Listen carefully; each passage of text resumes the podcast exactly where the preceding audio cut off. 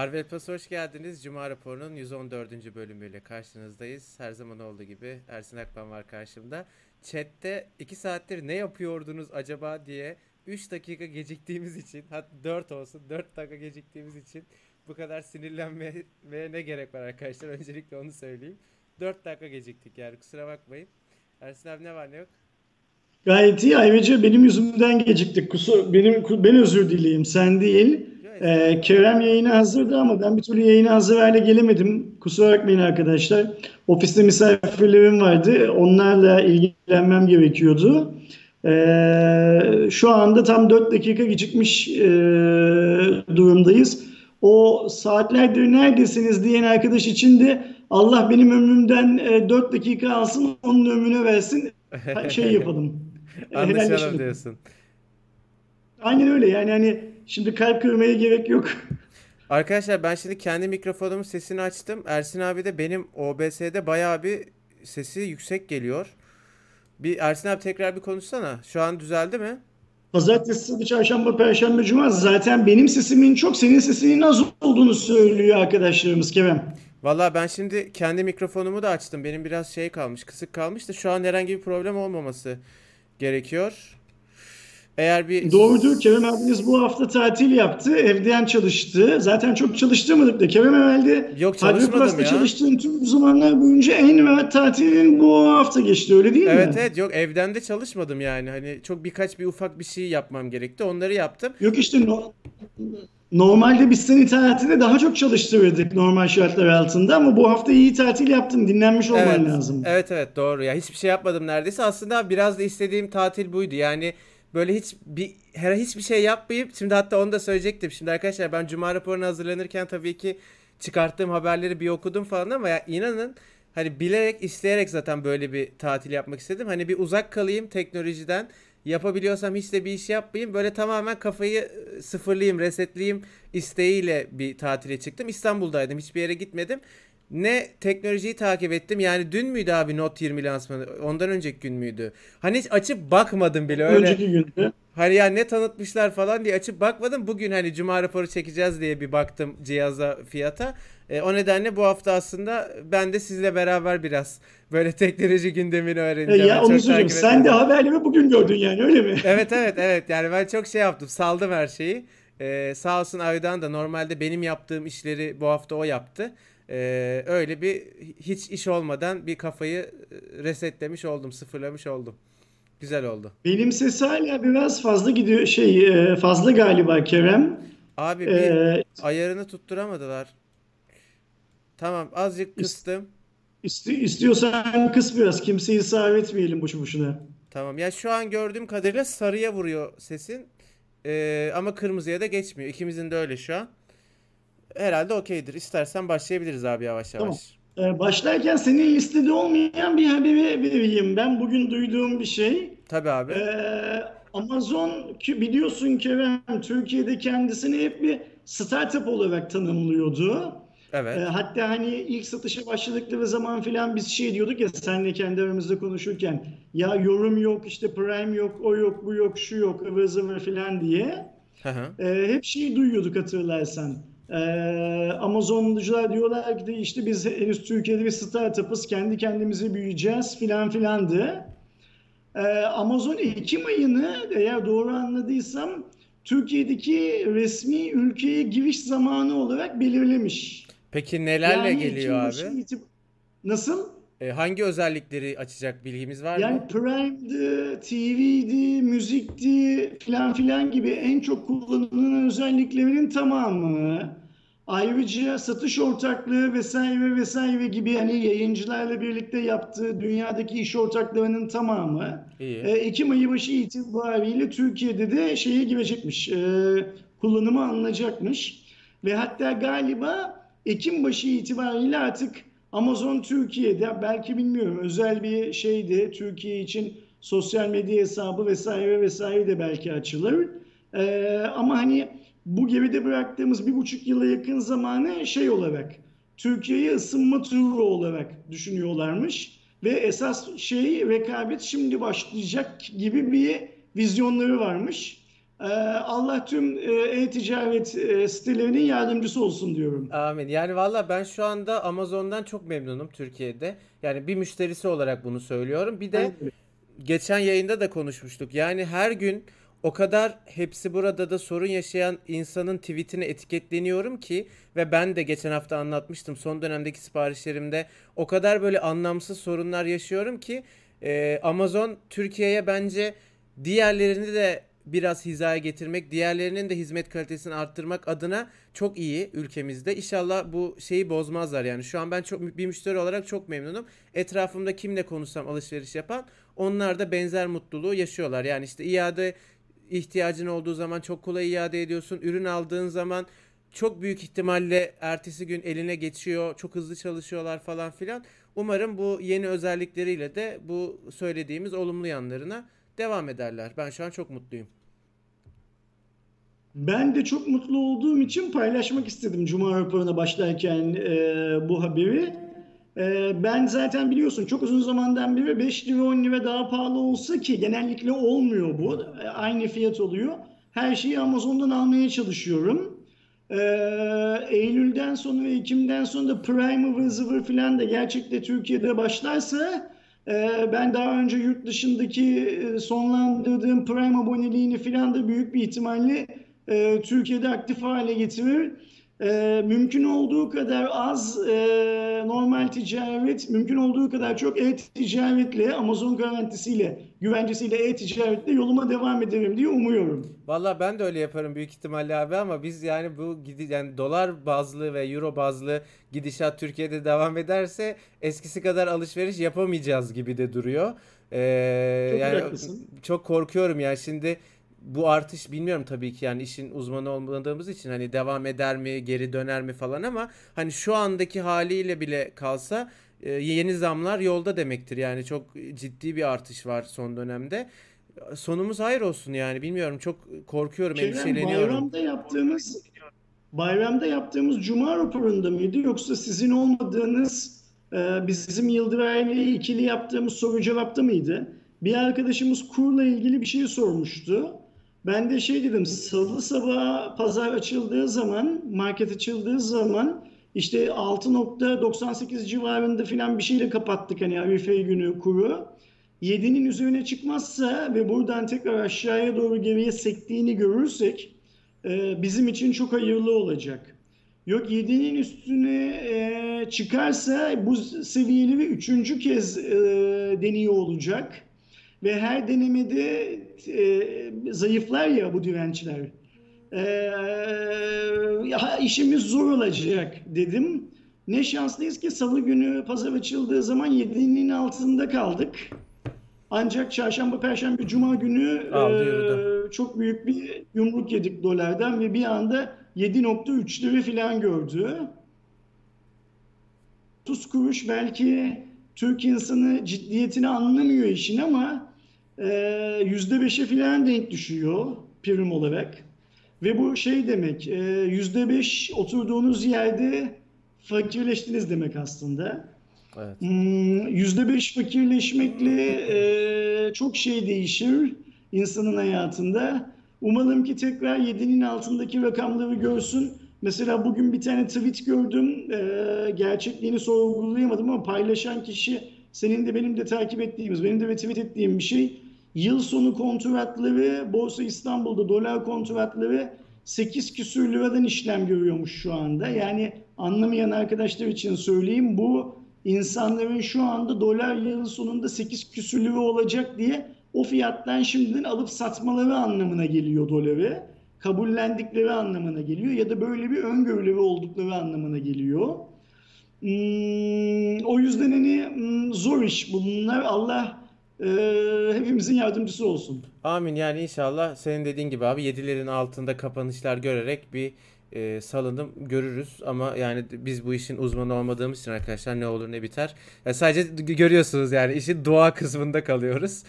Bakalım yani teknoloji olduğu için işimiz zaten hani birçok şey aslında teknoloji dışında da dolara bağlı ama teknoloji dediğimizde direkt her şey dolara ve euroya bağlı. O nedenle hep böyle bir ülkede bir dolar artışı vesaire olduğunda bunu konuşuyoruz. Direkt bizi etkiliyor çünkü.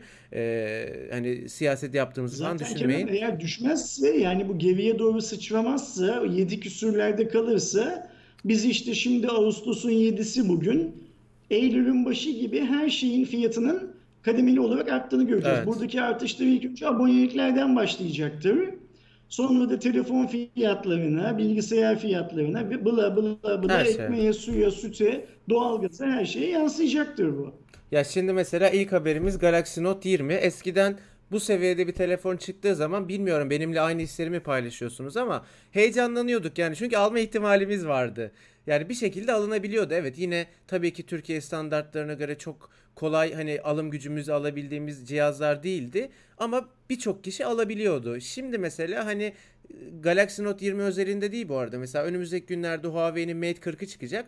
O da fiyat olarak Türkiye'deki bu hem vergiler hem de döviz yüksekliği sebebiyle o da bizim için çok erişilebilir bir cihaz olmayacak. Böyle uzaktan izlediğimiz e, telefonlar formunda olacak. Hani birçok aslında üst düzey teknoloji mecburen hayatımızdan çıktı bu dönemde ve hani yakın gelecekte de işler böyle devam ederse geriye dönmeyecek gibi görünüyor. E, istiyorsan Note 20'yi konuşmaya başlayalım Ersin abi. Lütfen. E, iki model var. Normalde biz ikiden Sen fazla... Sen lansmanı izlemedim diyorsun ya. Hı hı. Kerem'cim. Evet abi.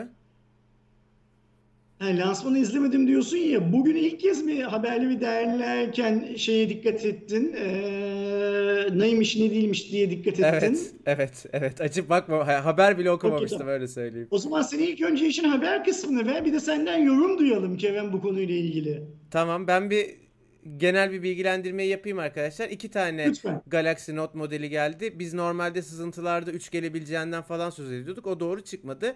Galaxy Note 20 ve Galaxy Note 20 Ultra tanıtıldı. Zaten S20 ailesine de bu anlamda benzerlik taşıyor ki her zaman biliyorsunuz Samsung aslında S serisinde gösterdiği bazı yenilikleri Note serisine de taşır ve kalem desteğiyle beraber birazcık farklı bir formda tüketicilere onu iletir. Eee bu sefer benim hiç daha önce duymadığım Gorilla Glass'ın Victus isminde bir korumasıyla geliyor cihaz. Hem önünde hem de arkasında. Genel tasarım itibariyle yani dışarıdan baktığınızda aslında e, bir önceki Galaxy Note modeline göre çok çok büyük tasarımsal değişikliklerin olmadığını, çok benzer bir tasarım dili kullanıldığını görmekteyiz. Ama tabii ki özellik olarak birçok noktada iyileştirmeler var. E, Dinamik AMOLED 2X ismini kullanan 20 Ultra için konuşuyorum. Çünkü düz 20'ye düştüğünüz zaman teknik özelliklerin bazı noktalarda farklı olduğunu görüyorsunuz arkadaşlar. E, 1440 çarpı 3200 e, çözünürlüklü ve 120 Hz tazeleme hızına sahip bir ekran var ama tazeleme hızını 120 Hz'de kullanmak istiyorsanız çözünürlüğü 1080p'ye düşürmeniz gerekiyor.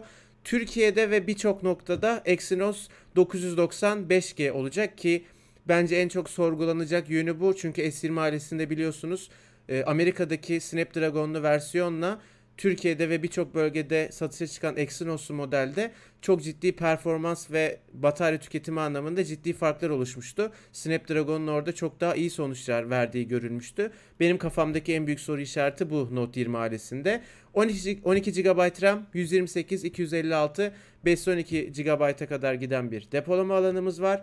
108 megapiksellik ana kameraya 12 megapiksel geniş açı ve e, telefoto kamerası eşlik ediyor. Bu telefoto kamerası ile beraber optik zoom yapabiliyoruz. Bir de lazer otofokus eklemişler. Bizim bu TLG G4 döneminden beri bazen ara ara modellerde gördüğümüz bence olmasının her zaman faydası var. Netlemedi çünkü hep işe yaramıştır yani Aynen. benim e, deneyimlerimde. Onu eklemişler. Fiyat olarak düz 20'yi almak isterseniz 9299 liralardan başlıyor. Ultra modelini almak isterseniz de 12.999 yani aslında 9300 ve 13.000 lira olarak iki farklı fiyat var. Genel özellikleri bu. Önce ben sana sorayım Kerem. Sen ne Sor düşünüyorsun abi. E, Note 20 ile ilgili? Ya bir kere görünüm anlamında kameralar bana böyle bir değişik geldi. Yani alışmam gerekebilir. Çok büyük böyle 3 tane sensörü var. E tabii ki yani hani güzel görünmesini mi istersin yoksa kamera deneyiminin iyi olmasını mı istersin? Hani tabii ki orada önemli olan görüntüden ziyade işlev. Ona lafım yok. Hani kamera performansı iyi ise bunu görmezden geliriz ama bana çok garip geldi. Yani böyle bir değişik geldi gözüme. Onu çok sevmedim görünüm anlamında. Onun dışında ben bunu aslında e, farklı markaların üst düzey akıllı telefonları için de söylüyorum.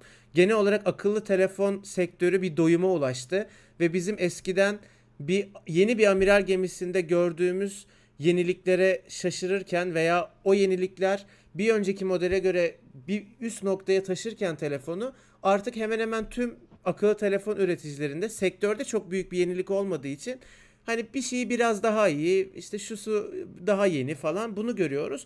Ve bu durum beni çok heyecanlandırmıyor açıkçası. Yani bir Noton e, sahibi olsaydım Note 20'ye geçmeyi düşünmezdim bile. Ya da böyle çok aklımın kalacağı bir özellik olmazdı. Yani ben böyle görüyorum. Sen ne düşünüyorsun abi?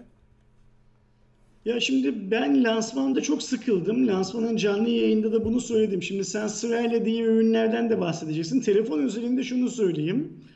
Hmm, lansmanlar öncesi birbirimizi boşu boşuna dolduruşa getiriyoruz. Birbirimizden kastımız sadece sen ben değil. İzleyicilerimiz biz filan da. Mesela ben gerçekten Exynos'tan vazgeçtiklerini düşünme, açıklayacaklarını düşünmeye başlamıştım ki bunun çok e, naif bir düşünce olduğunu da biliyordum. Tabii ki öyle bir şey açıklamadılar. Mantıklı olan şey bu çünkü. Yani Exynos'tan vazgeçtiklerini açıklarlarsa para kazanamazlar. Hmm, ben kamera, sen anladığım kadarıyla cihazın tasarımı ile ilgili biraz kameraların diziliminden falan hoşnut değilsin. Evet yani çok öznel Benim öyle bir derdim yok. Yani ben cihazın tasarımını beğendim. Ne yalan söyleyeyim. Ee, fakat cihazda yine beni heyecanlandıracak en ufak bir yenilik bulamadım. Ee, neresinden tutayım bilmiyorum cihazı. Bir de bugün ikimizin de tanıdığı bir dostumuz ee, şöyle bir şey söyledi Kerem bana. Ben kontrol edemedim. Arkadaşlar kontrol etsinler. Ee, RAM'lere bakarsan dedi Türkiye'deki cihazın RAM'lerine Samsung'un Amerika'da sattığı cihazlarda bu RAM olanları yok. Türkiye'de RAM'ler kırpılmış. Fiyatları bir de buna göre değerlendirmek hmm. lazım dediler. Türkiye'dekilerde kaç GB RAM varmış ya ben bakmadım. Ya Türkiye'de galiba 6 GB RAM varmış. Hmm. Amerika'da galiba 8 GB RAM varmış. Yani ben 12 GB'a kadar çıkıyor olarak gördüm bizim haberde. Ee, hemen şurada bir ön sipariş şeyi var. Ben ona bakayım abi bu arada sen anlatırken. Ya da belki Türkiye'de 8 GB, Amerika'da 12 GB bilmiyorum. Yani arada bir RAM farkı varmış. Eğer bu doğruysa e, ben bunu Hmm, bir ayıp olarak kabul etmeyeceğim biliyor musun Kerem? Ne olarak? Yani normal şartlar altında biliyorsun ben böyle bir hikayeyi çok şey yapardım, eleştirirdim. Hı hı. Ee, evet zaten Taylan Özgün de yazmış şimdi. Türkiye'de 8 GB, ABD'de 12 GB yazmış. Ben şimdi ona bakıyordum. Vatan ee, bilgisayarda 8 GB görünüyor e, RAM kapasitesi Ultra'nın. Ee, okay. O zaman Taylan'ın yazdığı gibi demek ki 8'i 12. Bu Türkiye'nin ekonomik şartları yüzünden Samsung Türkiye'nin de fiyatı hani insanların daha alınabileceği rakamlarda tutabilmek amacıyla yaptığı bir şey diye düşünüyorum. Evet de. Ee, ve normal karşılıyorum. Yani hani hmm, yapacak bir şey yok. Ülkenin gerçekleri böyle. Şimdi ülkenin gerçeği böyleyken ben şunu söylemek çok isterim biliyor musun? Aa Samsung Türkiye'ye bak işte Samsung'a bak Amerika'da 12'yi satıyor. Bizde 8'i satıyor filan demeyi çok isterdim. Ama bu kurda söyleyemiyorum böyle bir şeyi. O yüzden hani peşin peşin e, bu böyle şeylere alışmamız gerekecek. Evet. Bence Samsung güzelini yapmış. Yani Samsung Türkiye'deki adamlar. E, çünkü bak Samsung kadar büyük bir dünya devini Türkiye'ye özel ürün üretmek konusunda ikna etmek pek kolay bir şey değildir Kerem. Evet ama şimdi şimdi doğruya doğru Türkiye pazarı da çok önemli bir pazar abi. Özellikle Samsung için. Yani pazar lideri bir şirketten bahsediyorum. Ya önemli bir pazar. Pazar payı kaybediyor filan filan da yani Samsung şunu yapmayı da bilirdi. Şimdiki şu açıklanan fiyatların 3000 lira 4000 lira üstüne açıklayıp 12 GB RAM olanını da getirmeyi bilirdi. Ama bence bunların tamamı işte e, pazar payına sahip çıkmak için yapılan aksiyonlar ve bu aksiyonları e, kabul etsek de etmesek de beğensek de beğenmesek de anlayışla karşılamak zorundayız Kerem. Yani bence de şey bir hamle değil. Ya bir de şöyle bir durum var abi zaten. Hani hep konuşuyoruz ya. Ya 12 GB RAM işin biraz hani böyle fetişizmi. Yani gündelik hayatta sen 8 GB RAM'li bir Note 20 kullandığın zaman ondan 12 GB RAM'li bir Note 20'ye geçtiğin zaman hiçbir şey değişmiyor hayatında. Yani o biraz da şey hani Öyle. pahalıya hani çok üst düzey telefon üretiyoruz biz bu telefonu pahalıya satıyoruz. Alın size 12 GB RAM koyduk içine. Yani ne işine yarıyor ki? Yaramıyor. Yani bence o yüzden şey de değil. Yani Türkiye'de 8 çıkmış, 12 çıkmış. Daha iyi 8 çıkması yani. Zaten bir işe yaramıyor. Boş boşuna para veriyorsun. Ben, ben, ben de tam böyle düşünüyorum Kerem. Yani bugünkü ekonomik şeyimizde, durumumuzda işte doların 7'li ve yaşlı şu ortamda 12'yi getiremeyip 8'i getirmiş olmasını Samsung Türkiye'nin daha doğru bir hareket olarak değerlendiriyorum. Evet ya bir de şunu söyleyeyim son olarak Note 20 ailesiyle alakalı. Bizim asıl konuşmak isteyeceğimiz ya da asıl bizi ilgilendiren telefonlar bunlar değil. Birkaç ay sonra Note 20'nin Lite'ı çıkacak büyük ihtimalle. Bunu bu arada hani kimseyi aşağılamak için falan söylemiyorum. Gayet realite yani gerçeklikten bahsediyorum. Bugün nasıl biz birçok yayınımızda S10 Lite'dan, Note 10 Lite'dan ve onun hani fiyat performans olarak aslında konum olarak iyi seviyede olduğunu söyleyip öneriyorsak Note 20 Lite da eğer benzer şekilde rekabetçi bir fiyatla gelirse e, bizim de konuşacağımız e, asıl konuşmak isteyeceğimiz telefon o olacak. Yani bilmiyorum 10 bin lira 10, 13 bin lira yani bir telefona. Bizim Ersin abiyle hep diyoruz ya iki, kaç 2500 liraya telefon mu olur falan diye bir videomuz var HVP'de. 13 bin lira şimdi yani ne, neydi ne oldu? Yapacak bir şey yok. Çok garip Kerem. Allah Allah yardımcımız olsun demekten Amin başka laf amin. bulamıyorum. Amin. Ee, Ve bir- galiba bu lafı o kadar çok söyleyeceğim ki Kerem izleyenlerimiz sıkılacaklar bu lafı benden duymaktan. abi inşallah şey olur. Doğan kabul Kerem- olur yani. Efendim. Ee, inşallah amin diyelim. Kerem bir önerim var sana. Geyik yapmıyorum. Çok ciddi söylüyorum. Buyur abi. Hani biz e, ve diğer teknoloji yayıncılarının büyük bir çoğunluğu da belli fiyat gamlarında e, videolar yayınlıyoruz ya işte laptop için, cep telefonu için Hı hı, filan. Hani 3000 lira 4000 Evet, lira evet. arası alınabilir te- cep telefonları diyoruz mesela. Evet. Sence artık bunu yapmak yerine şey mi yapsak? 200-300 dolar arası cep telefonları yani dolar bazlı sıralamalar mı yapsak acaba? Yani abi o izleyen ya bilmiyorum o biraz şey olabilir ya yanlış anlaşılabilir yani tepki alabilir diye düşünüyorum. Çünkü insanlar diyecek ya biz dolarla mı e, telefon alıyoruz niye buna ya bir de onu hesaplamak zorunda kalacak adam. E, kendi parasına şey yapıyor mu yapmıyor mu falan diye. Yani biraz ters teper gibi geliyor. Aslında eskiden biliyorsun abi Türkiye'de her şey yani özellikle bilgisayar bileşenleri falan direkt dolar bazlı satılıyordu. Aslında şu anda da dolar bazlı Öyle satılıyor ama haklısın. biz öyle görmüyoruz. Yani Türkiye'ye her şey dolarla giriyor. Eskiden bir ekran kartı alacağınız zaman mesela Biz TL olarak görüyoruz fiyatları ama aslında bu elektronik ticaret sitelerinin ya da e, pazar yerlerinin ya da elektronik marketlerin database'lerinde o fiyatlar dövizle yazıyor aslında ve anlık olarak değişiyor. evet yani aslında biz de bir e, liste yaptığımız zaman teknik olarak o dolara göre belirlenmiş bir liste oluyor ama hani izleyenler TL ile aldığı için bence biz o işe şey yapmayalım abi girmeyelim. Bir de moral Okey, bozulur tamam. yani şimdi Benimki sadece bir fikirdi. Belki karşılık bulur diye şey yaptım. Hani Bulmadı tamam. şöyle yapacağım ya Note 9 Pro 200 dolarlık fiyatıyla falan diyeceğim. Türkiye'de bir bakacağız 3000 lira. Abi ya bir de moral de bozacak. Yani bir, bir tarafta 200 birim bir tarafta 3000 birim falan. Yani can da sıkıyor. Ee, gerek yok o yüzden. Bu arada Note 20 ailesiyle Devam beraber ediyorum abi hemen. Galaxy Watch'un 3. versiyonu da satışa çıktı. Türkiye'de 2300 liralık bir e, satış fiyatı olacak. İki tane modeli var. 1.2 inç ve 1.4 inç ekranla beraber 42 milim ve 45 milim e, olmak üzere arkadaşlar. Hani bir tanesini bileği daha ince olanlar, bir tanesini daha büyük saat kullanmak isteyenler için e, düşünebiliriz. Tasarımda cihazın geleneksel düğmeleri yerine dairesel düğmeler kullanması en büyük e, öne çıkan noktalarından biri ve Samsung'un açıkladığına göre hem daha ince hem de %15 oranında daha hafif bir e, akıllı saatten bahsediyoruz. Tizen OS 5.5 ile beraber geliyor yeni sürümü Tizen'in ve bu işletim sisteminde bileğinizi döndürdüğünüz zaman veya yumruğunuzu sıktığınız zaman onu otomatik algılama gibi e, bu işletim sisteminde özellikler getirmişler.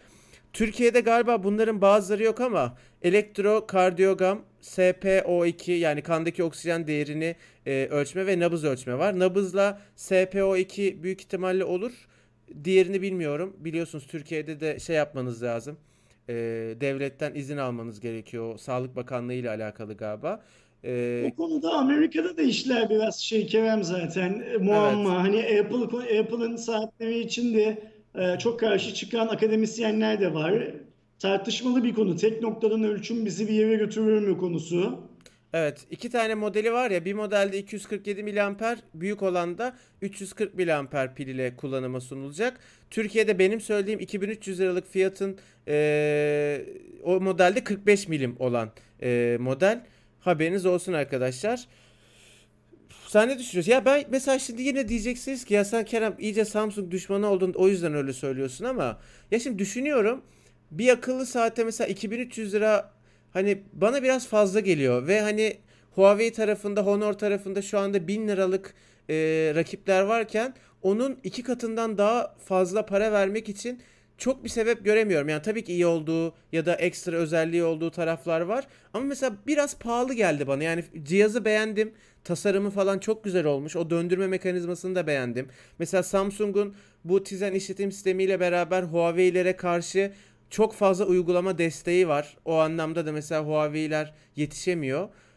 Ama ya 2300 lira verilir mi bilmiyorum. Bana biraz bir saat için çok pahalı gibi geliyor. EKG de şu an Türkiye'de yok. Evet abi. Ben de fiyat konusunda e, senin gibi düşünüyorum Kerem. Yani pahalı ama şunu kabul etmek lazım. Samsung'un kol saatleri hep çok şık oldular. Evet evet güzel. Çok ee, güzel. Ve e, şu hani bazel navigasyon hikayesi bence çok başarılı. Bunu şey yapmak lazım, kabul etmek lazım. E, fakat işte pazara dönüp en yakın rakip şu anda hangisi diye baktığım zaman e, eğer kendimize rakip olarak Apple'ı alacaksak o da, o da çok bir başka mesela. durum çıkıyor kol saatinde. Huawei'yi alacaksak bir başka durum çıkıyor. E, ben 2300 lira vermezdim büyük bir ihtimalle o saate. Yani Apple tarafına bakarsak orada daha da yukarıda fiyatlar görüyoruz. O zaten iyice hani e, fiyatlar işte o yüzden yüksek. başka şey çıkıyor diyorum ya. Yani hani Apple'a evet. göre ucuz Huawei'ye göre pahalı durumu söz konusu da ben e, bir Apple kullanıcısı olduğum zaman Huawei ya da Apple kol saati alıp kullanır mıyım yoksa zaten gidip Apple kol saati mi alıyorum? Yani kıyaslamak e, ne derece doğru evet, bilmiyorum. Evet. E, o yüzden ben e, şu kolumda da gördüğünüz şeyle GT2 ile e, yoluma devam ederim büyük bir ihtimalle. Ama cihaz bana çok şık geldi. Yani evet, Samsung'un evet, cihazı bana çok şık geldi. Eee bize ambargo uygulamıyor olsalar, cihaz buraya gelmiş olsa e, bir süre denemek isterdim onu söyleyeyim. Ya ben o bakır rengini çok Bak beğendim. Note 20 için hiç böyle bir şey söylemedim. Hı hı. Ee, bunun için söyleyeyim çünkü gerçekten denemek isterdim. Ya ben de tasarımı falan çok hoş ki o işte bakır rengi mi o öyle bir bakır rengi var ona bir kesin başka bir isim takmışlardır.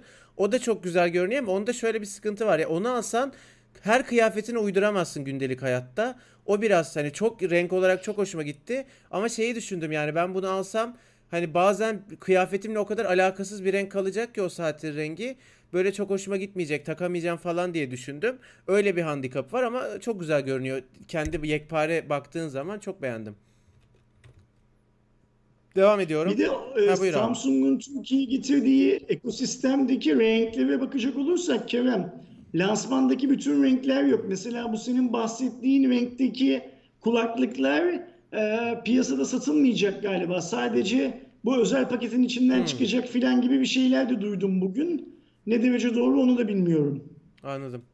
Devam ediyorum. İki, geçen hafta arkadaşlar biliyorsunuz baya baya bir 2020 yılının ikinci çeyreği ile alakalı şirketlerin sonuçlarından bahsetmiştik. Bu haftaya da e, bazı bu konudaki bilgiler, raporlar düştü. Şimdi ilki 2020 yılının ikinci çeyreğini kapsayan ve tüm akıllı telefon üreticilerini ilgilendiren Canalis'in raporu. Bu araştırmaya göre 2020 yılının ikinci çeyreğinde dünya genelindeki akıllı telefon satışları geçen yılın aynı çeyreğine göre düşüşte. E, verilere göre düşüşten etkilenmeyerek en sağlam çıkan firma Apple oldu arkadaşlar. Geçtiğimiz yılın aynı çeyreğine kıyasla %25 oranında satışlarını arttıran Apple dünya genelinde 45.1 milyon iPhone satmayı başarmış. Ancak bütün dünya genelindeki akıllı telefon satışlarına bakarsak toplamda %14 oranında bütün firmaların toplamı bu. E, düşüş yaşanmış ve bu çeyrekte 285 milyon adet telefon satılmış. Bir diğer aslında başarılı geçiren e, sayabileceğimiz şirket Huawei. Bunun da en büyük sebebi Covid Çin'de erken başlayıp erken normalleşme yaşandığı için oradaki özellikle satış başarısı şirketin tüm e, sonuçlarına yansıdı. 55.8 milyon adet cihaz satılmış e, ve biliyorsunuz geçen hafta da konuşmuştuk. Samsung'u geçtiler. Samsung da 53.7 milyon e, satışta. Böylece 9 yıl sonra ilk kez Samsung veya Apple dışında bir markanın yıl içindeki e, bir çeyreği lider biçimde de kapatışı olmuş. Huawei'nin bu e, sonuçlarıyla beraber. Ne düşünüyorsun Ersin abi? Ya şey şimdi bu e, bizim bu yıl hastalık nedeniyle duyacağımız rakamların hepsi suni biliyorsun. Yani suni iyi ya da suni kötü rakamlar. Baksana bir anda dünyadaki laptop satışları arttı. Tablet Şimdi arttı. senin bir sonraki abi. haberinde Evet. yine benzer bir şey. Benzer başka bir şey var. Ee, o yüzden hani ben bu yıl bunları böyle dinleyelim geçelim modundayım biraz. Fakat e, Apple'ın ikinci çeyrekte e, şey kaybetmemiş olması, pazar payı kaybetmemiş olması hep seninle beraber konuştuğumuz gibi adamların bu işi gerçekten doğru planladıklarının en büyük göstergesi bence. Evet yani hem yeni iPhone SE hamlesi hem de bence daha önemlisi nispeten fiyat performans sayılabilecek bir iPhone 11'in olması ve bu sefer ismini XR işte ne bileyim S şey e, C gibi falan böyle o aileden ayrı göstermeyen bir algıyla direkt 11 seri ismiyle çıkartmış olmaları bence Apple'ı çok büyük kurtardı. O konuda çok başarılı bir hamleydi. Hep konuşuyoruz zaten. %25 de abi az buz değil yani bir çeyrekte. Hani bir Aynen geçen öyle. aynı çeyreğine göre dörtte bir iyi satmışlar. Ee, belliydi yani güzel iş yaptılar.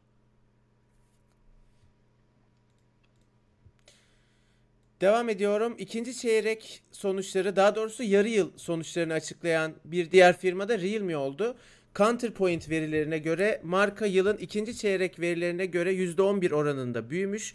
İlk çeyrekte %157 büyüyen Realme böylece 4 çeyrek döneminde üst üste dünyanın en hızlı büyüyen akıllı telefon markası olmuş oldu. Yani yüzdelik bazda her çeyrekte arttıran anlamında. Yılın ilk yarısında 15 milyon yeni kullanıcı kazanan Realme'nin pazar verileri de pek çok ülkede başarılı olduğunu gösteriyor. Bunlar Tayland, Hindistan, Kamboçya, Mısır, Myanmar, Filipinler, Ukrayna, Endonezya ve Vietnam. Hep dikkat ederseniz böyle gelişmekte olan ülkeler arkadaşlar. Bu saydığım ülkelerde ilk 5'te yer alıyor Realme. Hani kimisinde 2, kimisinde 5 artık onu bilmiyoruz.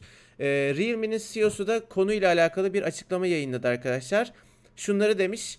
Realme yaş ortalaması sadece 29 olan uluslararası güçlü ve genç ekibi sayesinde 2018'den bu yana 40 milyon kullanıcıya ulaştı. 2020 yılındaki güçlü yarı yıl performansımızı geliştirerek önümüzdeki 3 yıl içinde 100 milyon telefon satmayı hedefliyoruz.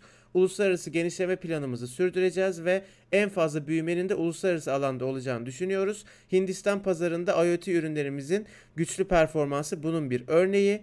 Bu ülkede sadece 10 dakika içinde 15.000 TV seti sattık ve akıllı kişisel ses cihazlarımız sadece 3 ay içinde pazar payı açısından 3. sıraya yükseldi. Markamız 5 kıtada 59 farklı ülke ve bölgeye yayılarak büyük başarı kaydetti diye böyle vermiş mehteri vermiş mehteri.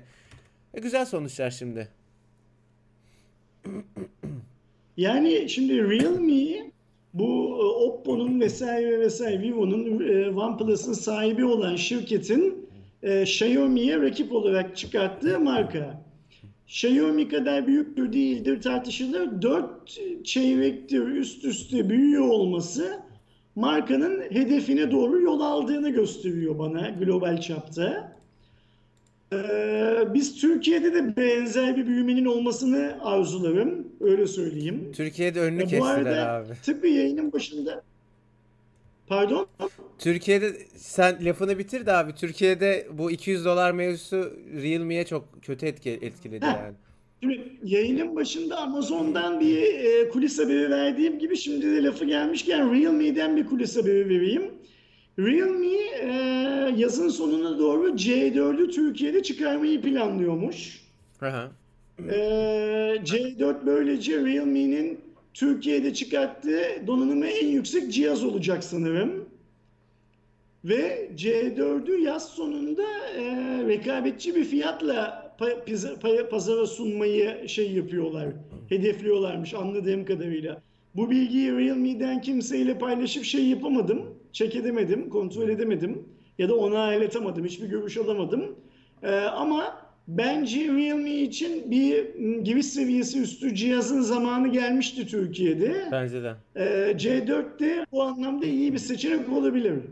Ya abi bence de yani zaten uzun zamandır diyorduk hani Realme tamam daha çok uygun fiyatlı cihazlara odaklanan bir şirket ama yurt dışında üst düzey hatta amiral gemisi sayılabilecek cihazları da var. Niye Türkiye'de yok diye. Biz bir kere yaptığımız röportajda 2020 yılı bitmeden mutlaka bir veya iki tane o seviyede de cihaz getireceğiz demişlerdi ama Realme'nin gerçekten şu Türkiye'de yeni e, yürürlüğe giren 200 dolar mevzusu çok bence önünü kesecek. Kesiyor da hatta şu anda. Çünkü ya şöyle bir durum var. Birincisi belgeyi sunan ama o belgeyi alamayan şirketler var. Yani birincisi belgeyi sunmakla bu iş çözülmüyor.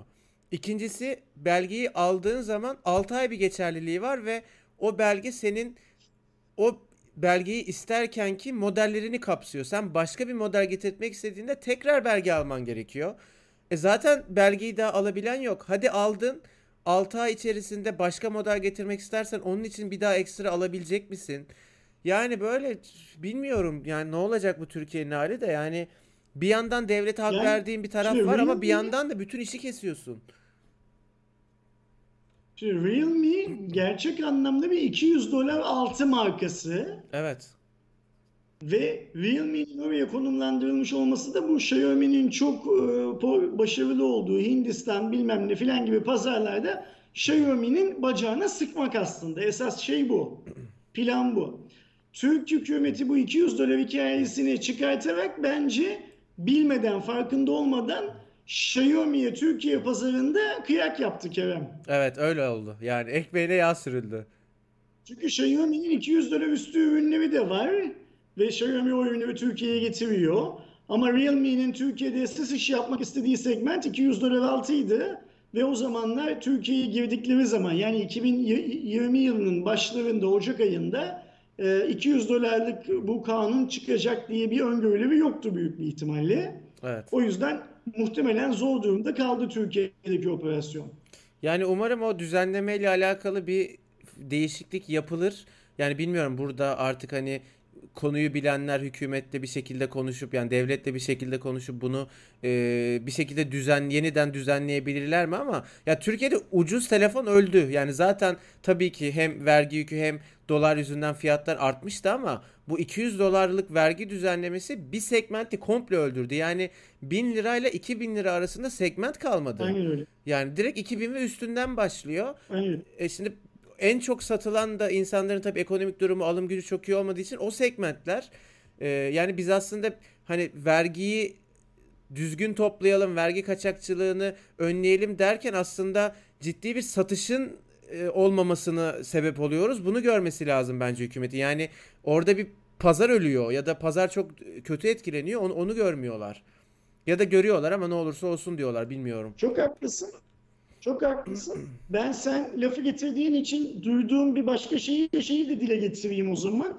Şu an e, cep telefonu markalarının e, bu 200 dolar hikayesinin kaldırılması, ertelenmesi, değiştirilmesi yönünde yapabilecekleri hiçbir şey olmadığını kendi aralarında konuşuyorlar Kerem. Aha. Arzuladıkları tek şey sunulan evrakların bir an önce incelemeye alınması ve incelemenin olumlu ya da olumsuz yönde sonuçlandırılmasını talep ediyorlar. Beklentileri bu. Yani evrakları verdiler ve ilgili e, müdürlükten evet bu evraklar sayesinde az vergiyle e, bu ürünleri getirebilirsiniz. 200 dolar altıymış gibi getirebilirsiniz. Ya da hayır bu evrakları verdiniz ama bu evraklar bizim istediğimiz evraklar değil ya da geçerli değil. E, 200 doların üstüyle vergilendirileceksiniz. Kararının bir an önce e, kendilerine tebliğ edilmesini bekliyorlar e, adım atacak yerleri kalmamış durumda. Yani şu an hiçbir şey yapamıyorlar. Yani şu anda hani iş yürümediği için ya ben mesela şunu anlarım. Hani devlet diyor ki ya ben işte normalde siz 200 doların e, üstünde olan bir cihazı bu yürürlük olmadığı için 200 doların altında gibi gösterip vergi kaçırıyordunuz. Ben bunu önlemek istiyorum. Bunu anlarım ama aynı zamanda gerçekten 200 doların altındaki bir cihazı ithal etmek isteyen adamın da önünü kesmiyor olman lazım. Yani bu çok basit bir şey zaten. Globalde bir fiyat duyuruluyor.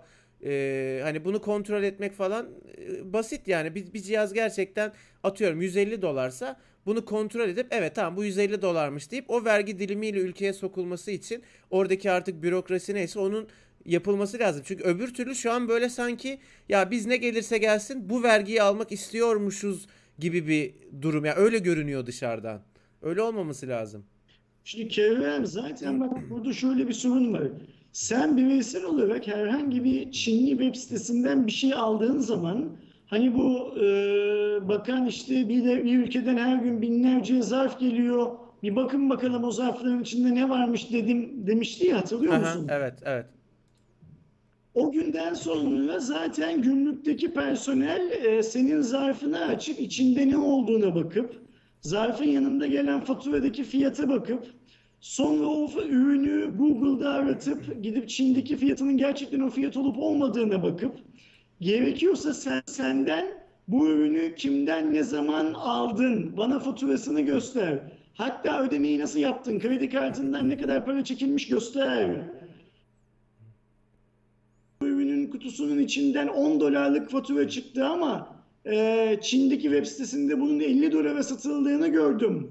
Sana 50 dolar üzerinden vergi uygulayıcı dedi zaten. Bunu yapmaya başladı. Yani bireysel ithalatlarda bir fiyat araştırması vergi departmanları şu anda devletin vergi departmanları bunu yapıyorlar zaten. Buradaki en kolay şey şirketlerin yapacakları ithalatta da bunu kontrol etmek. Yani şöyle evet. kontrol etmek. Atıyorum e, Kerem e, Samsung Türkiye olsun, ben Huawei Türkiye olayım. E, Kerem Note 20 getiriyor olsun, ben P40 Pro getiriyor olayım. Bizim faturamızda kaç lira yazıyor? Mesela Kerem Samsung olarak diyelim ki 1 dolara Note 20 getirdiğini yazsın. Ben de 1 dolara S, şey, P30 Pro getirdiğimi yazayım e, gümrükteki arkadaşım bana şey demesi lazım. Hacı abi buraya bir dolar yazmışsın da Çin'de sen bunu giyirmezde Çinliye 700 dolara satıyorsun zaten nasıl olacak bu iş diye sorması lazım. Yani bu evrak mevrak kırtasiye işinden e, biz istesek işi buraya getirmeden daha makul ve mantıklı bir çözüm yolu üretirdik. Bireysel ithalatta nasıl üretildiyse bu çözüm yolu şeyde de üretilirdi. Toplu evet. internette de üretilir. Burada biraz şey oldu Kerem. Siz beni hep 200 doların altında cihaz yani olduğundan daha ucuza cihaz getirdiğinizi söyleyerek kazıklıyorsunuz dedi devlet aslında ithalatçıları. Evet ama işte kazıklamayanın yani da hakkı gitti cihazı, orada. Heh, sen bu cihazı 400 dolardan getiriyorsun ama faturasını 200 dolardan kestirip 200 dolardan ödüyorsun lan bana. Yeter bu kadar bıçak kemiğe dayandı. Artık beni kazıklamanıza izin vermeyeceğim demiş olması lazım. Çünkü eğer böyle demediyse şöyle demiş olması gerekiyor. Bu da devlet ahlakına sığmıyor. Abi ne olursa olsun 180 dolarlık, 150 dolarlık telefonla getirsen ben senden 200 dolar vergisi alırım dediyse yani bunun ters okuması bu. O zaman da bu şey olmuyor. Ahlaki bir davranış tutum olmuyor. Ya işte bunun böyle okunmasındaki en büyük sebep yani sen devlet olarak okey belge talep edebilirsin tabii ki böyle bir hakkın var. Ama belgeyi sunan e, şirkete aylar oldu ve yani olumsuz da dönülmüyor, olumlu da dönülmüyor. Yani ben mesela firma tarafında çalışan işte arkadaşlarımla bu konuyu değerlendirdiğim zaman bana hepsi şunu söylüyor. Yani birçok firmada var. Ya o iş hani bitti artık 1000 liraya 1500 liraya telefon falan beklemeyin diyorlar. E, çünkü bir sonuç alamıyorlar, yol alamıyorlar. Hep şey diyorlar yani artık o iş o iş bitti yani o segment öldü diyorlar. Kerem, bu hikayeyi Türkiye'de cep telefonu üretimi yapıldığı geçen yıl yapmış olsaydı hükümet o zaman diyecektim ki Türkiye'deki üretimi desteklemek adına böyle bir karar aldı hükümetimiz. Bunun iyi yanlarına da bakalım. İyi yanı nedir? Belki Türkiye'deki üretimin dünya kalitesinde olmasını sağlar bu regülasyonla diyecektim. Ama şu an Türkiye'de telefon da üretilmiyor. Yani koruyacak adam da kalmadı piyasada. O yüzden bu yapılan şeyin mantığının ne olduğunu ben şey yapamıyorum. Ee, bilmiyorum, anlamıyorum. Eğer anlayan birisi varsa anlatsın bana. Yani tekrardan sonumuz hayır olsun duasıyla bir sonraki habere geçiş yapıyorum abi. Lütfen. Arkadaşlar WhatsApp... Ben amin dedim sen merak etme. Amin abi ben de dedim. Ee, WhatsApp yalan haberleri engelleyecek yeni bir özellik yayınladı. Buna göre e, artık bir kullanıcıdan diğerine iletilen içerikli mesajlarda çift ok simgesiyle o mesaj etiketlenecek ve o oka basarak isterseniz e, internet araması yaparak bahsedilen konu doğru mu değil mi buna bakabileceksiniz. E, hatta bununla alakalı tanıtım yani WhatsApp bu yeni özelliği tanıtımında şöyle bir örnek kullandı. Örnekte taze haşlanmış sarımsak suyunun koronavirüsü yok ettiği haberinin paylaşıldığını görüyoruz ve haberin hemen yanında küçük bir arama simgesi var. Bu arama simgesini tıklayınca webde aramaya gidiyorsunuz ve bu bilgi doğru mu değil mi onu webdeki aramadan görüntüleyebiliyorsunuz. WhatsApp'a sadece şunu söylemek istiyorum. WhatsApp'ın e, büyük ihtimalle haberi yok ama ses kayıt e, haberleri var. İletildi olarak gelen. Genellikle anne ve babalarımızdan iletilen. Ya ben şunu gördüm. E, helikopterle şu saatler arası dezenfektan sıkılacakmış şehre. Sokağa çıkmayın. Yani bu benim WhatsApp'ıma düştü. Hani bu çok güzel tabii ki güzel bir özellik ama bunun ses kaydını nasıl yapacağız? Yani devamlı benim kuzenim işte ya şurada doktor. Ben şunu anlamıyorum. Buyur abi. WhatsApp sonuçta bir tane hani bu bizim eskiden instant messaging dediğimiz e, karşı karşıya peer to peer bir, bir taraftan öbür tarafa mesajlaşma uygulaması değil mi? Yani evet. geçmişteki örneklerine bakacak MSN gibi ICQ gibi bir yazılım değil mi? Evet onun telefondaki versiyon işte. E bu platformun üstüne vazife mi? Yalan haberle bilmem neyle şunla bununla filan şey yapmanın. Yani bir de şimdi dönüp bakıyorum bu platformun sahibi olan adam yalan haberlere destek verip Amerikan seçimlerine hile karıştırmakla suçlanan bir adam bir yandan da.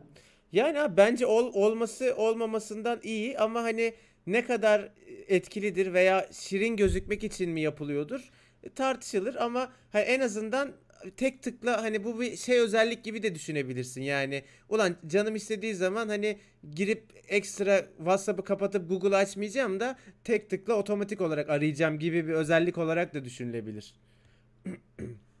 Valla ben burada iki şey düşünüyorum. Birisini bizim Can ağzımdan aldı. Doktor Can. WhatsApp mesajları okumak için sebep uyduruyor yazmış. Ee, birinci aklıma gelen buydu haberi okuduğum zaman. İkinci aklıma gelen de hmm, dünyadaki arama trafiğinden, arama trafiği yüzünden oluşan reklam gelirinden e, pay kapma çabası olarak değerlendiriyorum bunu. Yani e, anlaştığın, yönlendirdiğin arama servisinden e, ben sana şu kadar trafik yönlendiriyorum, bunun karşılığında bana ne kadar para vereceksin? reklam gelirlerini hangi oranda paylaşacağız? Pazarlığını yapabilme sevdası olarak görüyorum bunu. Yani konu WhatsApp ve Facebook gibi şirketler olunca ben de hiçbir zaman böyle o iyi bakamıyorum yani hani vardır altında bir şey diye ama yine de dediğim gibi yani ben kişisel olarak böyle tam bir yere tıklayıp web aramasına gidebileceğim olarak görüyorum. Zaten dediğim gibi yani o ses iletilen ses kayıtlarını nasıl çözeceğiz bilmiyorum. Yani benim kuzenim işte şu hastanede çalışıyormuş da bütün yataklar bitmiş işte koronavirüs patlamış her yerden farklı bir haber geliyor ve hiçbirinin doğruluğu yok yani. Ben geçen onu konuşuyorduk. Yani bir ses kaydı atsam ve desem ki işte ben e, Hogwarts e, şehir hastanesinde e, çalışan bir muggle doktorum falan böyle hani çok abartarak e, bir şey yapsam o bile yayılır yani. Çünkü gerçekten o kadar abuk sabuk e, şeyler görünüyor. Bilmiyorum onu nasıl çözeceğiz bilmiyorum. Geçiyorum son haberimize. Tablet satışları uzun zamandır takip ediyorsanız arkadaşlar biz de bazen cuma raporlarında dile getiriyorduk. Tablet satışları telefonların büyümesiyle beraber hep düşüyordu. Ama pandemi dolayısıyla nasıl laptop satışları bir anda arttıysa e, tablet satışları da önemli derecede artmış. Canalys Research'un yayınladığı sonuçlara göre ikinci çeyrekte bu yılın tablet satışları %26 oranında artmış.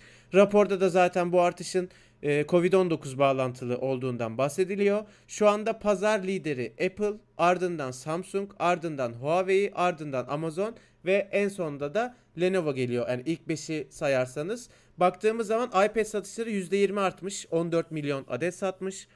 Ee, Samsung yine %40 oranında bir büyüme yakalamış. 7 milyon satmış. Ya şurada ne ilginç. Samsung %40 arttırabiliyor ve 7 milyon satıyor.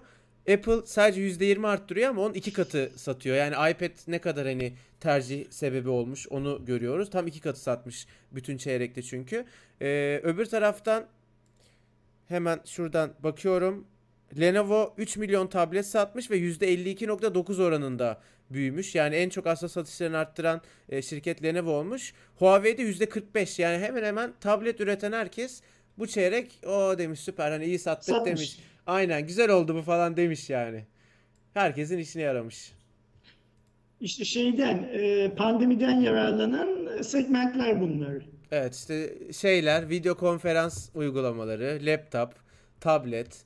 Yani telefon çok Hı-hı. herhalde etkilenmemiş. Telefon olduğu yerde saymış hatta gerilemiş bile diyebiliriz. Telefona çok etki olmamış ama herhalde en büyük ya ben %800'ler falan duyuyorum abi dizüstü bilgisayar pazarında iş yapan insanlardan.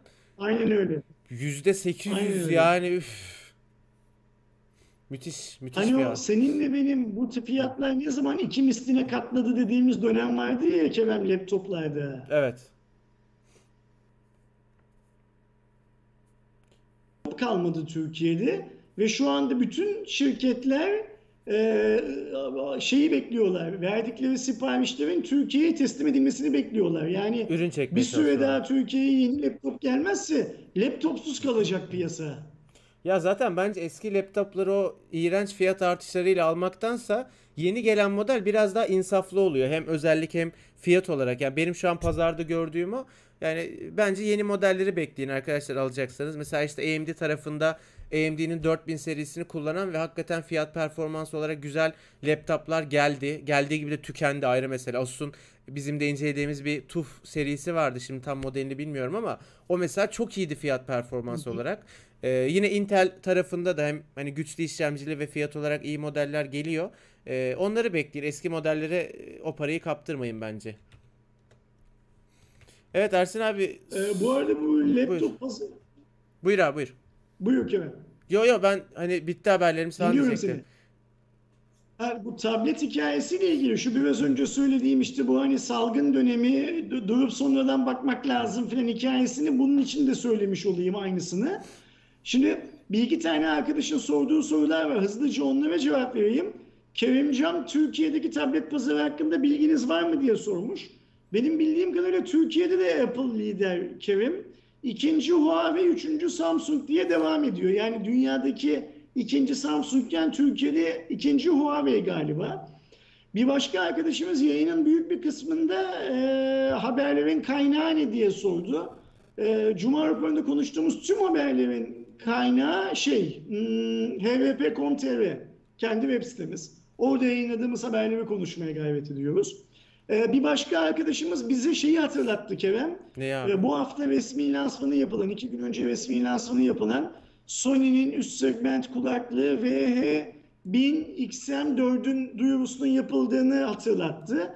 Haklı onu haberleri almamışız. Onu da almamız gerekiyordu aslında. Benim, benim şu anda Kulaklık birçok yenilikle geliyor. Bu yeni, Nasıl? Benim şu an haberim oluyor. Bu hafta dedim ya hiç bakmadım, açmadım bir Öyle şey mi? diye. Vallahi okay, şimdi tamam. haberim oluyor. Kulaklık birçok yenilikle geliyor. Kerem sana anlatayım o zaman. Olur abi. Ee, işte kafandan çıkarttığın zaman otomatik olarak çıkarttığını algılayıp sesi kesmek, e, gürültü engelleyiciyi çalıştırdığın zaman dışarıdan gelebilecek olan ani bir ses nedeniyle dışarıyı dinlemek. Yani hani kaldırımda yürürken bir trafik kazası vesaire gibi olasılığı azaltmak için filan filan birçok yeni özellik var. Ee, her zamanki gibi Sony kalitesi. Fakat şöyle bir şey var. Ben lansmanı e, canlı olarak izleyemedim. Aydoğan izledi. Ben sonrasından e, önemli notlarına baktım ürünün. Bu özelliklerin neredeyse tamamı şu an zaten bizim e, kablosuz, tam kablosuz kulaklıklarda gördüğümüz özellikler.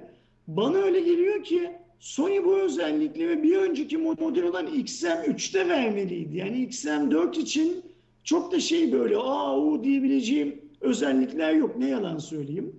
Ee, ben biliyorsunuz bir iki kullanıcısıyım.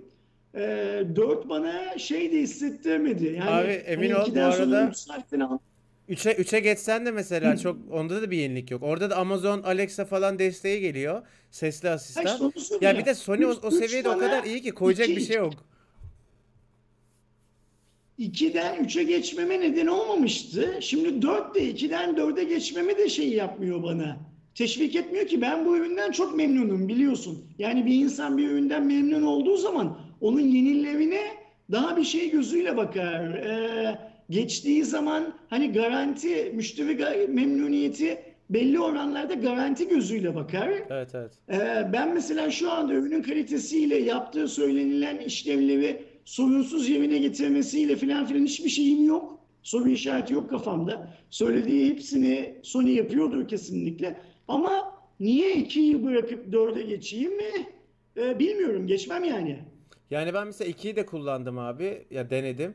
3'ü ve 4'ü de özellikle fuarlarda denedim. Ya hepsi çok güzel ama mesela hani 2 mesela ciddi anlamda ucuz olursa ve almak istiyorsam gider 2'yi alırım. Ya çünkü 3'te Amazon Alexa gibi zaten Türkçe kullanamayacağın falan hani asistan desteği var. Bence bir kulaklıkta olmasa da olur yani kendi kullanım için söylüyorum. E 4'e geçtiğinde de yine hayatını kurtaracak böyle muhteşem yeni özellikler yok. Yine e, belli başlı temelde sen o ses seviyesine ve aktif gürültü engelleyicinin güzelliğine o parayı veriyorsun ki 2'de de o çok iyi, 3'te de çok iyi, 4'te de çok iyi. Yani Sony öyle bir seviyede iyi bir kulaklık yaptı ki üstüne ekstra bir şey koyamıyor. Ve işte böyle ek özelliklerle şey yapıyor. O yüzden hani fiyat odaklı düşünüp bence eğer o tarzda üst düzey bir ANC'li bir model istiyorsan direkt 2'ye gitmek hala en mantıklısı yani. Hele dolar falan da bu seviyelerdeyken hiç gerek yok. Bilemiyorum. Ben geçmem en azından o kadarını söyleyeyim. Bu arada yorumlara bakıyorum. Ee, şey yok. Ee, konuştuğumuz konularla ilgili e, çok fazla bir soru yok. Ee, o yüzden yayını ufak ufak kapatabiliriz gibime geliyor Kerem.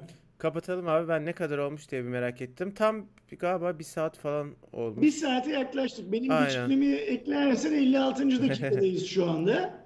Evet tam, tam gerçi evet 19 18.30'da başlayacaktık. 34'te başladık. Şu anda da 19.30. Onu bir merak Hı ettim. Aynen öyle. Arkadaşlar eee, teşekkürler bu Şeyi canlı yayın. söyleyeyim. Söyle abi. Ben yarın e, cumartesi gecesi ateşini yapamayabilirim. E, çünkü yeni evde internetle ilgili bazı sıkıntılarımız var. Onları daha halledemedik. E, yayın yapmak için geçen hafta çok kastım. Hani e, hatta e, işte cuma pazar akşamki dörtlü soru cevaba yetişebileyim diye eski eve koşa koşa geldim filan. Orada internet bağlantısı daha iyi diye. Yarın yine yapmaya çalışacağım ama söz vermeyeyim. Arkadaşların gözü şeyde olsun, kanalda olsun cumartesi gecesi ateşi için. Ee, pazar günkü şeyi ise dörtlü soru cevabı ise mutlaka katılacağım. Yani gerekiyorsa interneti iyi olan bir yer bulup oradan katılacağım. Eee, sizin yorumunuz çekimi yaptınız mı diye Haruncan sormuş. Yaptık bu hafta diye biliyorum Bu ben. hafta yaptık iki tane. iki misafirim oldu. Ee, pazartesi günü de bir arkadaşımız gelecek. hvp.com.tr slash sizin görüşünüz adresindeki formu dolduran insanlara geriye dönüyorum. Eğer o formu doldurup benden cevap alamayan varsa ya spam klasörüne baksın ya da formu tekrar doldursun rica ediyorum. Levent pikniği sormuş. Aynen abi. Levent'ciğim piknik iptal. Zaten o yüzden hafta içi herhangi bir duyuru yapmadık. Ee, virüsün tırmanışa geçtiği ya da virüsün tırmanma ihtimalinin olduğu böyle e, günlerde e, sizlerle bir araya gelmenin iyi fikir olmayacağını düşündük. O yüzden bir biraz bekleyelim. Ee, eğer ortalık bir sakinleşebilirse, kısmetse, alın yazımızda bu varsa o günleri de tekrar görebileceksek e, başka bir gün başka bir atraksiyon yaparız mutlaka. O zaman kapatıyorum abi. Arkadaşlar çok sağ olun bu yayın yine bizlerle beraber olduğunuz için. Bir sonraki canlı yayınımızda görüşmek üzere. Kendinize çok iyi bakın. Hoşçakalın.